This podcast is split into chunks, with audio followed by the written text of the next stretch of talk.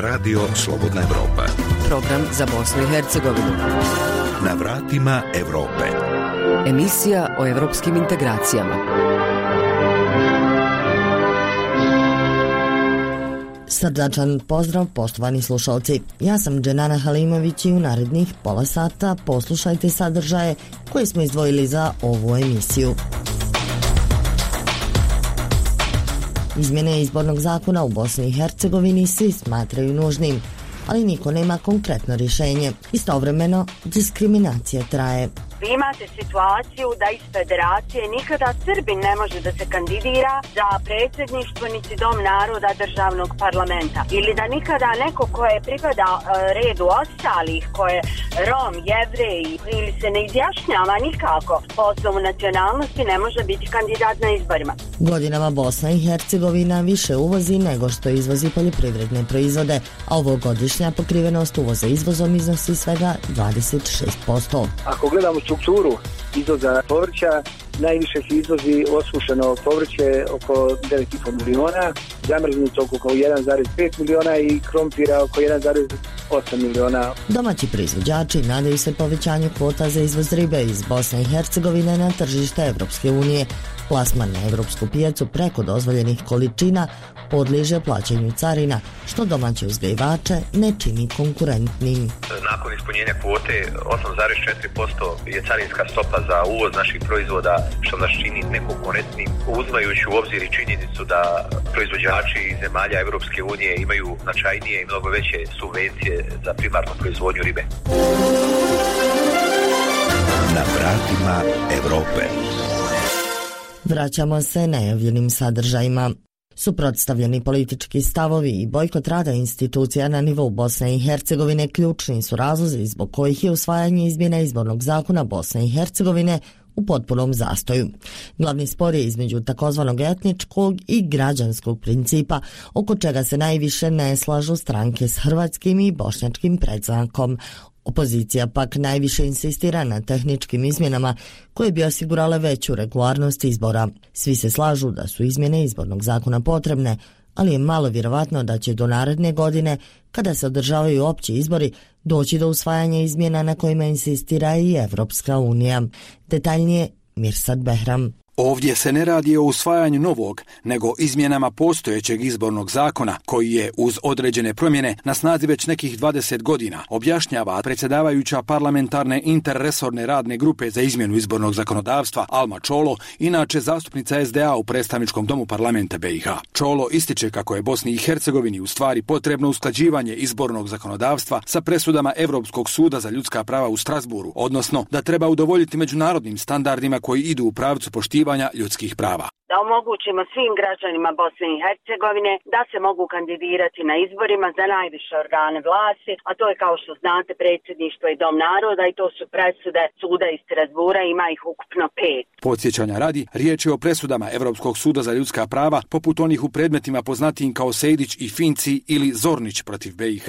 Alma Čolo objašnjava da sada, na primjer, Bošnjak i Hrvat iz entiteta Republika Srpska ne mogu biti kandidirani za predsjedništvo BiH i Dom naroda. Imate situaciju da iz federacije nikada Srbin ne može da se kandidira za predsjedništvo niti dom naroda državnog parlamenta. Ili da nikada neko koje pripada e, redu ostalih, koje Rom, Jevrej ili se ne izjašnjava nikako po osnovu nacionalnosti ne može biti kandidat na izborima. Međutim, s druge strane, zastupnik predstavničkog doma parlamenta BiH iz HDZ-a Bosne i Hercegovine Nikola Lovrinović kaže kako dio parlamentaraca iz stranaka koje sebe nazivaju probosanskim pokušavaju iskoristiti potrebne izmjene izbornog zakona kako bi napravili izmjene Ustava Bosne i Hercegovine. To je najveći problem, smatra Lovrinović.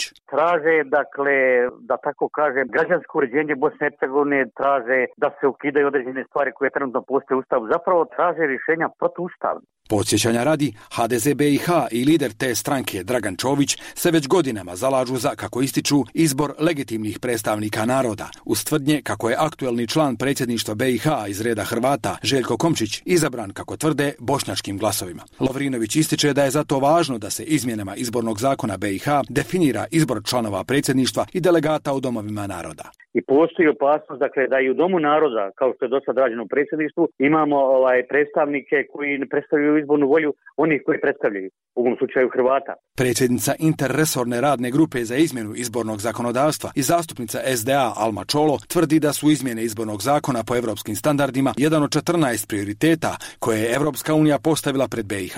Želje predstavnika HDZ-a da e, oni urede pitanje izbora člana predsjedništva koji je Hrvat na način kako njima odgovara su njihove želje i mi možemo o tome razgovarati, ali ja mislim da prije svega Bosna i Hercegovina mora ići u pravcu da ispuni jedan od ključnih prioriteta Europske unije Paralelno s tim, opozicija zahtjeva da se uvedu izmjene izbornog zakona u smislu uvođenja novih tehnologija u izborni proces, poput skenera glasačkih listića, kako se ne bi mogla mijenjati izborna volja građana. Zastupnik opozicionog SDP-a u predstavničkog domu parlamenta BiH i član interresorne radne grupe za izmjenu izbornog zakona Bosne i Hercegovine, Saša Magazinović, govori kako opozicija prioritetno i insistira na takozvanim tehničkim izmjenama izbornog zakona. To je srž zakona, to je da imamo fair i poštene izbore prije svega koje će odlučivati glas svakoga od nas, a ne kriminalne radnje koje se dešavaju nakon zatvaranja biračkih mjesta. Međutim, zastupnik HDZ-a BiH u predstavničkom domu parlamenta BiH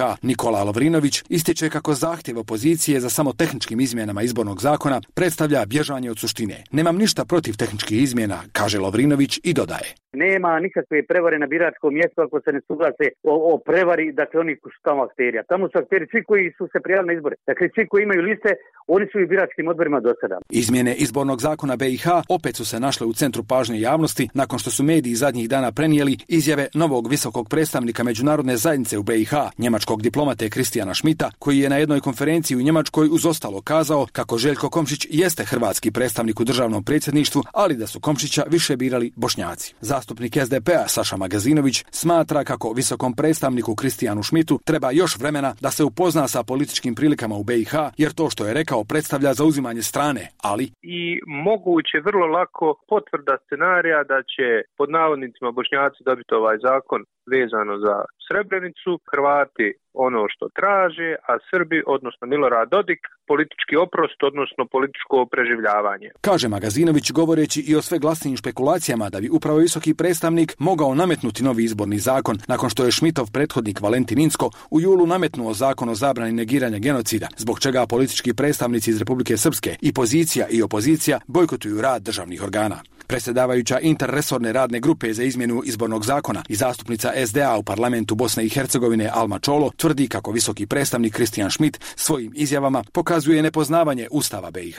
I vi nigdje nemate Ustavu da su ta tri člana predsjedništva predstavnici određenih naroda. Oni su po nacionalnosti trebaju biti Bošnjak, Srbin i Hrvat, ali oni dolaze iz odgovarajućih entiteta.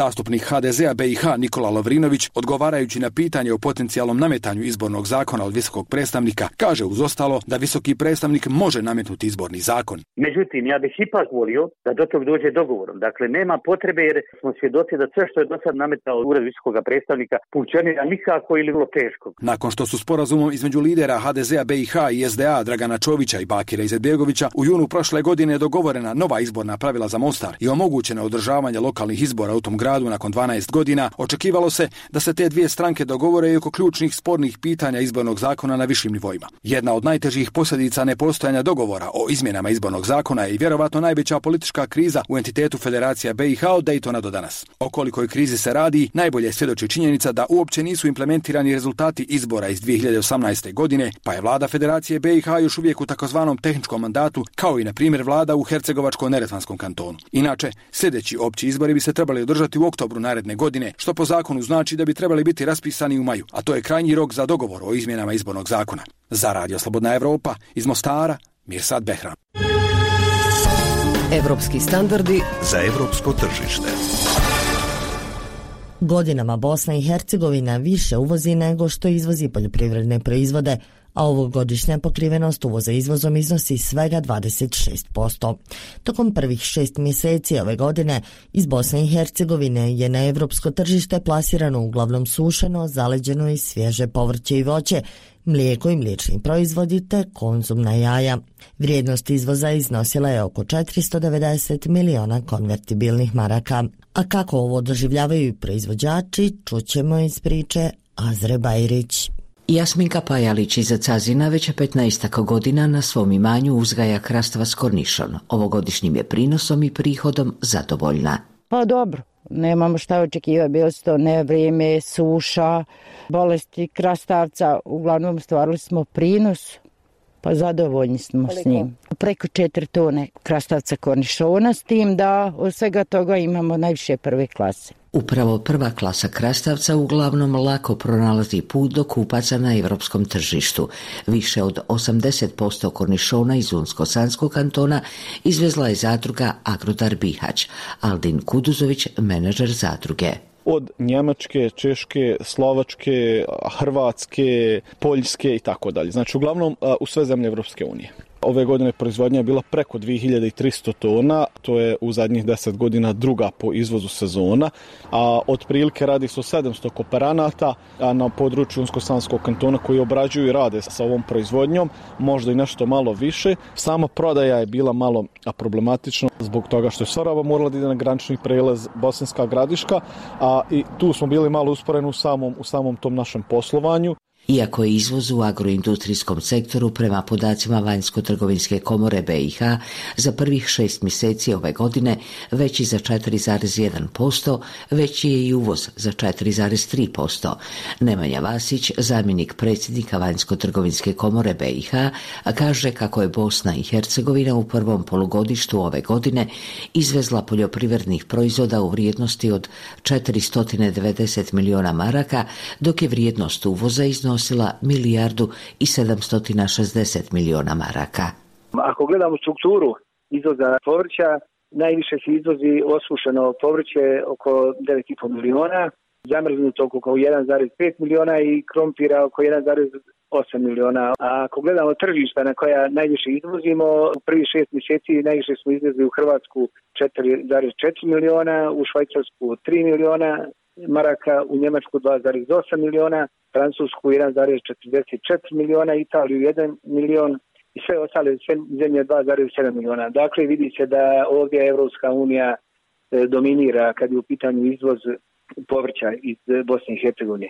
U sektoru voća dominira izvoz zaleđenog voća oko 30 milijuna maraka, uglavnom maline, potom borovnice, višnje i ostalog, zatim jabuke i kruške te orašasti plodovi od nepunih 10 milijuna maraka. Nakon dobijanja dozvole od Europske unije 2016. Bosna i Hercegovina izvozi mlijeko i mliječne proizvode godišnje u prosjeku oko 100 milijuna maraka. U dva sektora Bosna i Hercegovina bilježi veći izvoz od uvoza, kaže Smaje Tormanović, predsjednik agronomske komore BiH. Kada je riječ o ljekovitom bilju i šumskim plodovima, možemo reći da u ovome sektoru već godinama postižemo dobre rezultate gdje u prosjeku na jedan, jednu marku uvoza ljekovito bilje šumskih plodova i meda mi izvozimo negdje oko 2,35 maraka. Naravno ovdje prednjači izvoz gljiva, ono gdje smo zadovoljni jeste sektor predarstva gdje u prosjeku godinama već i nakon dozvole Europske unije izvozimo negdje u ovome sektoru oko 48 miliona maraka, već godinama uvozimo negdje oko 37 do 39 miliona, dakle u ovoj proizvodnji imamo veoma pozitivne rezultate. Nije stoga teško uvidjeti razvojne šanse Bosne i Hercegovine u agraru, a kao najviše obećavajuće Toromanović izdvaja svakako jeste proizvodnje mlijeka i zbog tradicije, znanja, iskustva naših farmera, proizvodnje povrća, pogotovo krastavca, konšona, mladog krompira, industrijske rajčice, bijelo luka. Evo i ove godine postigli smo fantastične rezultate u proizvodnji i izvozu krastavca konešona, proizvodnji jagodišto voća, gdje je došlo do značajnog rasta kako otkupnih cijena, tako i izvoza izvoznih cijena, pogotovo maline i jagode. Nemanja Vasić, zamjenik predsjednika Vanjsko-trgovinske komore BiH svega ovoga možemo zaključiti da iako smatramo e, zemlja pogodna za razvoj poljoprivrede, da je taj odnos e, pokrivenosti uvoza izvozom od 26% izrazito mali i to e, može biti jedna smjernica u kom pravcu treba da ide razvoj poljoprivrede u Bosni i Hercegovini, ali tu su potrebne sad mjere od posticaja do svih drugih mjera. Među neophodnim mjerama uglavnom se ističu izrada strategije razvoja poljoprivrede u BiH, donošenje zakona o zaštiti domaće proizvodnje i ono što je naložila Evropska unija, formiranje agencije za plaćanje u poljoprivredi. Za Radio Slobodna Evropa, Azra Bajrić. Domaći proizvođači nadaju se povećanju kvota za izvoz ribe iz Bosne i Hercegovine na tržište Evropske unije. Plasma na evropsku pijacu preko dozvoljenih količina podliježe plaćanju carina što domaće uzgajivače ne čini konkurentnim, jer se ne mogu nositi s inostranom konkurencijom koja ima subvencioniranu proizvodnjom. Izvoz ribe iz Bosne i Hercegovine počeo je 2008. godine, od kada neki domaći proizvođači očekuju donošenje zakona neophodnih za prodaju žive ribe ribogojilištima u Evropskoj uniji. Slušamo Arnesa Grbešića. Bosna i Hercegovina ima najbolje uslove za uzgoj kalifornijske pastamke u regiji, kaže Zoran Tepić, direktor firme Balkan Tropik ribarstvo Ribnjak Janj iz Banja Luke, najvećeg proizvođača na Balkanu. Zemlje u okruženju, a nemaju resurse kao što ima Bosna, niti ima potencijal da može proizvesti, niti trenutno proizvode, tako da su one mahom zemlje uvoznice i svi viškovi koje e, proizvođači u Bosni i Hercegovini proizvode upravo i plasiraju u zemlje CEFTE ili u zemlje Evropske unije ukoliko ispunjavaju uslove poslove. Trenutno imamo tri firme koje zadovoljavaju sve potrebno da bi mogli izvoziti e, ribu u zemlje Evropske unije. Prema podacima Vanjsko-trgovinske komore Bosne i Hercegovine, vrijednost izvoza ribe i ribljih prerađevina u prvih pola godine iznosila je oko 16,5 miliona maraka, dok je uvoz u istom periodu bio skoro duplo veći. Kada je u pitanju pastanka, statistički podaci međutim potpuno su drugčiji, ističe Tepić. U procentu većem od 90% imamo više izvoza nego, nego uvoza. Ona čini 99% izvoza. Najviše ribe iz Bosne i Hercegovine završava u Srbiji. U prvih šest mjeseci ove godine izvoz na to tržište je iznosio 7,7 miliona maraka. Slijede Italija i Hrvatska sa 2,7, odnosno 2,6 miliona, te Crna Gora sa 1,4 miliona maraka. Izvoz ribe iz Bosne i Hercegovine na tržište Evropske unije počeo je prije 13 godina. Domaći proizvođači nadaju se povećanju kvota, jer samo na primjer ribnjak janj može proizvesti predviđenu količinu od 500 tona. Pritom treba imati na umu činjenicu da se radi o težinskoj kvalifikaciji bez obzira na sam proizvod. Pa tako možemo reći da ako izvezemo 500 tona fileta, onda smo upotrijebili 1000 tona sirovine, a ukoliko izvezemo očišćenu pakovanu pastrnku, onda se radi o nekih 600 tona početne sirovine. Nakon ispunjenja kvote 8,4% je carinska stopa za uvoz naših proizvoda što nas čini nekonkurentnim uzmajući u obzir i činjenicu da proizvođači zemalja Europske unije imaju značajnije i mnogo veće subvencije za primarnu proizvodnju ribe. Direktor preduzeća Riz Krajina iz Bihaća Rifa Tahrić, međutim, nije optimista da će biti povećane kvote za proizvođače iz Bosne i Hercegovine. Nećemo dobiti to povećanje kvota, a temeljem ga recimo na mogućnosti izvoza žive ribe iz Bosne i Hercegovine u zemlje Europske unije, ali direktno u prerade koje smo imali sve do negdje marta, aprila ove godine. I to su nam ukinuti. Promjena propisa u Europskoj uniji znači da se ne možemo ni živu ribu u nekakvu bilo koju preradu izvesti u Europsku uniju. Govorim o živoj ribi. Znači i tu su nam, ajde da kažem, još malo zatvorili vrata, a ne da nam otvaraju. Tahrić dodaje da samo dvije države Evropske unije, Italija i Danska, proizvode kalifornijsku pastrnku u količinama većim od potrebnih na njihovim tržištima. Bihaćko preduzeće zainteresovano je i za prodaju žive ribe drugim ribogojilištima u Evropskoj uniji. Bilo to mlad za dalje uzgoj, bilo konzumna riba. Mi u Bosni i Hercegovini trebamo napraviti još jedan zakonski propis zoniranje otvorenih vodotoka a s tim zoniranjem bi mi dokazali da nema u našim otvornim vodotocima virusa koji su zabranjeni na listi uh, Europske unije. To je ovaj IPN i IHN. Ovih virusa nema u Bosni i Hercegovini, nastavlja uzgajivač iz Bihaća, koji misli da je politika prepreka usvajanju propisa koje traži Europska unija da bi se donijeli ti propise o zoniranju otvorenih vodotoka, postoje određeni kriteriji na osnovu koji se oni donose.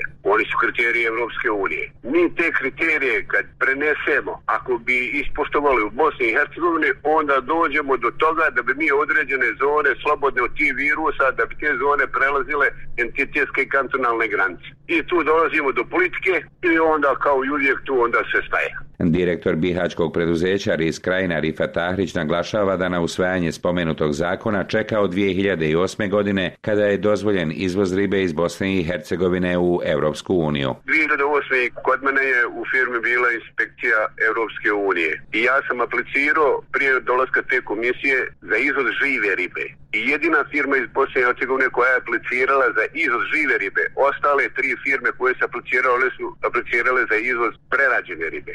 I meni je šef inspekcijskog tima Europske unije tad rekao što se tiče vas i vaše firme, vi sutra možete utovariti ribu i ići voziti u Europsku uniju ali država mora donijeti ove zakone, vraćam se, u zoniranju otvorenih vodotoka. Evo do danas, znači koliko je to 13 godina, nema od toga ništa. Ostali izvoznici nadaju se da će Ministarstvo vanjske trgovine i ekonomskih odnosa Bosne i Hercegovine uspjeti dogovoriti sa Briselom povećanje kvota za njihove proizvode. Još jednom Zoran Tepić iz Ribnjaka Janj. Ministarstvo spoljne trgovine je nadležno i u pregovorima i određivanju kvota.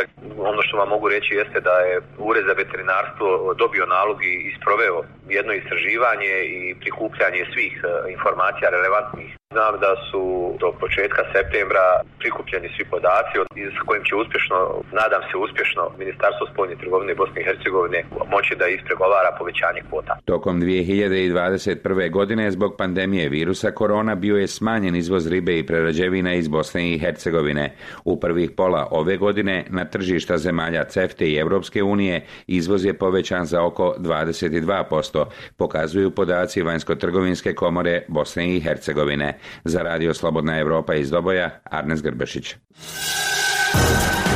Emisiju Na vratima Europe možete i pročitati na našoj web stranici slobodnaevropa.org.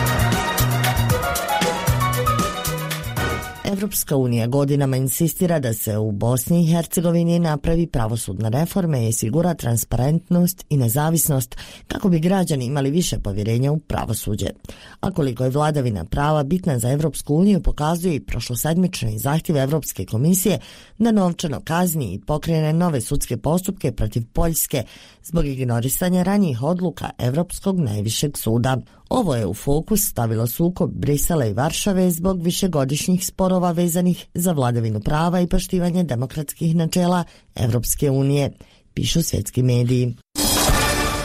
Europska komisija zatražila je od Europskog suda pravde da kazni Poljsku zbog ignorisanja sudskih odluka o pravosudnim reformama u zemlji, u značajnoj eskalaciji sukoba između Brisela i Varšave oko prevlasti zakona Europske unije nad nacionalnim propisima, piše Financial Times. Dugogodišnji sukob zbog, kako ističe list, poteza Poljske konzervativne nacionalističke vladajuće stranke da kontroliše pravosuđe, uključujući disciplinsku komoru s ovlastima kažnjavanja sudaca, duboko je pogoršao odnose između Brisela i pete po veličini zemlje članice Europske unije, ali i dodatno ojačao euroskepticizam u Varšavi. Zahtjev Komisije Europskom sudu od 7. septembra proizilazi iz nepoštivanja julske odluke Najvišeg suda u Europi kojom je naložena suspenzija disciplinske komore za sudije u Varšavi. Novi poljski režim, zaključio je sud, ne pruža dovoljne garancije sudske nepristrasnosti i nezavisnosti i ne štiti sudce od uticaja poljskih političara. Komisija traži od suda da Poljsko izrekne dnevnu novčanu kaznu sve dok se mjere izrečene sudskim nalogom ne budu provodile u potpunosti. Navodi se u saopštenju od utorka u kojem, dodaje Financial Times, nisu navedeni iznosi o kojima se radi. Poljska je u maju zatražila bespovratna sredstva u iznosu od 23,9 milijardi eura u okviru programa Europske unije za oporavak, kao i 12,1 milijardu eura kredita, ali paket još nije odobren zbog pravnog spora. Varšava to poistovjećuje s finansijskom ucjenom, postavljajući pitanje da li bi zemlji bilo bolje bez finansiranja iz Europske unije. Nakon što je Europska komisija zatražila od Europskog najvišeg suda da Poljskoj odredi dnevne novčane kazne zbog prkošenja ranijim sudskim presudama Europske unije, vlasti u Varšavi osudile su potez kao nezakonit napad na suverenitet i ustavni poredak zemlje, napisao je Times, ističući da će troškove poljskog prkosa Evropski sud pravde utvrditi prije kraja godine, dok je poljski ministar pravosuđa Zbignjev Zjobro optužio Uniju za ucjene koruptivne prirode. Njegov zamjenik Sebastian Kaleta kritikovao je kazne kao i odluku komisije da obustavi financiranje Evropske unije zbog zasebnog spora oko prava homoseksualaca. To su dijela agresije, rekao je. Poljska, napominje Times, nije poštovala upute Europskog suda pravde da suspenduje novo tijelo koje ima ovlasti za disciplinske postupke protiv sudaca i koje je uvedeno u sklopu reformi vlade na čelu sa strankom Pravo i Pravda. Prošlog mjeseca Poljska je rekla da će se pridržavati odluke, ali je disciplinska komora Vrhovnog suda nastavila s radom. Napetosti rastu od početka septembra kada je Evropska unija odgodila odobrenje za isplatu sredstava za oporavak od pandemije Poljskoj i Mađarskoj zbog, kako smatra, kršenja demokratskih vrijednosti, što je naglašava Times pojačalo euroskeptične glasove u Poljskoj, koja je članica Unije od 2004. Evropska unija je prema pisanju londonskog lista zauzela oštar stav prema poljskim nastojanjima u pogledu prednosti evropskog zakona, dok je Evropski sud za ljudska prava, koji nije tijelo Evropske unije, također presudio protiv poljskih pravosudnih reformi. Poljska vlada također je zanemarila naredbe Evropskog suda za obustavu rudarskih operacija u odvojenom sukobu s Češkom. Osim dnevnih kazni protiv nacionalističke vlade u Varšavi, što je rijedak potez Evropske izvršne vlasti, Europska komisija je također najavila novu pravnu tužbu protiv Poljske zbog nepoštivanja zasebne odluke Europskog suda da pravila zemlja u disciplinskim postupcima sudaca nisu u skladu s pravom Europske unije, piše Associated Press. Radio Slobodna Europa. Emisija o europskim integracijama. Na vratima Europe. U Brčko distriktu u toku je izrada strategije razvoja turizma za period od 2021. do 2025. godine. Strategija je dokument koji sukladno standardima zemalja Europske unije predstavlja usklađenu, planiranu i koordiniranu javnu politiku Brčko distrikta u oblasti turizma. Pripremio Zoran Matkić. Strategija razvoja turizma Brčkog distrikta za period od 2021. do 2025. godine mora biti usklađena s preporukama nadležne svjetske turističke organizacije, a također zbog aktualne problematike pandemije koronavirusa i s preporukama svjetske zdravstvene organizacije. Aleksandar Đurić, predstojnik turističke službe pri vladi Brčkog distrikta. Brčko distrikt je kontaktiralo referentne profesore, stručnjake, strukovna udruženja naravno, ali i asistenciju USAID-a koji će nam pomoći da te naše zaključke koji su već u nekoj završnoj fazi dodatno revidiramo, da ih uskladimo sa preporukama u odnosu na razvijene turističke zemlje ali zemlje okruženja i upravo ćemo ovih dana objaviti na sajtu vlade Brčkog distrikta i jedan otvoreni upitnik u četiri oblasti koji će se ticati i destinacijskog menadžmenta i ljudskih resursa i preporuka za prirodno i kulturno nasljeđe u turizmu i tako dalje. U cilju izrade što kvalitetnije petogodišnje strategije razvoja turizma na području Brčkog distrikta, Đurić je pozvao sve pravne subjekte koji se po bilo kojem osnovu dotiču sektora turizma, ali i građane da aktivno sukladno svom iskustvu i prijedlozima sudjeluju u konačnom oblikovanju strategije. U proteklu godinu i po dana sektor turizma pandemija je najviše pogodila, te se stoga izradi strategije treba dosta ozbiljno i temeljito pristupiti. Tako i ova strategija treba da nam pažljiv i odmjeren način e, sublimira sve one e, najkvalitetnije preporuke struke u kom pravcu se možemo kretati, a da ne ugrozimo javno zdravlje. Turizam mora da doživi e, svoj oporavak jer zaista je u, u maksimalnoj blokadi i kroz putovanje i ograničenja kretanja, a bez kretanja i putovanja mi ne možemo govoriti o nekom prije svega međunarodnom turizmu. Pandemija koronavirusa na području Brčkog distrikta nanijela je najviše štete u gostiteljstvu i kongresnom turizmu. Prihodi od gostiju, koji su ranijih godina kruzerima stizali rijekom Savom, u Brčko u proteklom periodu su u potpunosti izostali, kazao je Đurić. Osvrnuo se i na program pomoći Europske unije vrijedan milijun eura. Prije svega to je EU for Business, projekat koji prošle godine nije doživio svoju valorizaciju zbog nezainteresovanih partnera. Ove godine on, taj poziv je prilagođen nekim novim uslovima i ja se nadam da će evo i taj poziv vrlo brzo biti objavljen na našem sajtu i očekujem da neko iz Brčkog prema tim međunarodnim tokovima financijske prirode konkurišu dopadli projekat kako bi eventualno imali još neku mogućnost, kažem, implementacije projekata koji se tiču Europske unije. Za Radio Slobodna Europa iz Brčkog distrikta Zoran Matkić.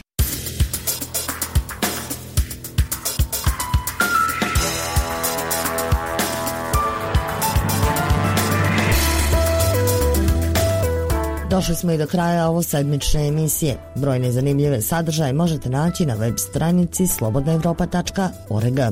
Podcaste za vir ispod površine glasom mladih i između redova potražite na Facebooku i Twitteru kao i na Spotify, Google podcastima i iTunesu. Ugodan ostatak dana.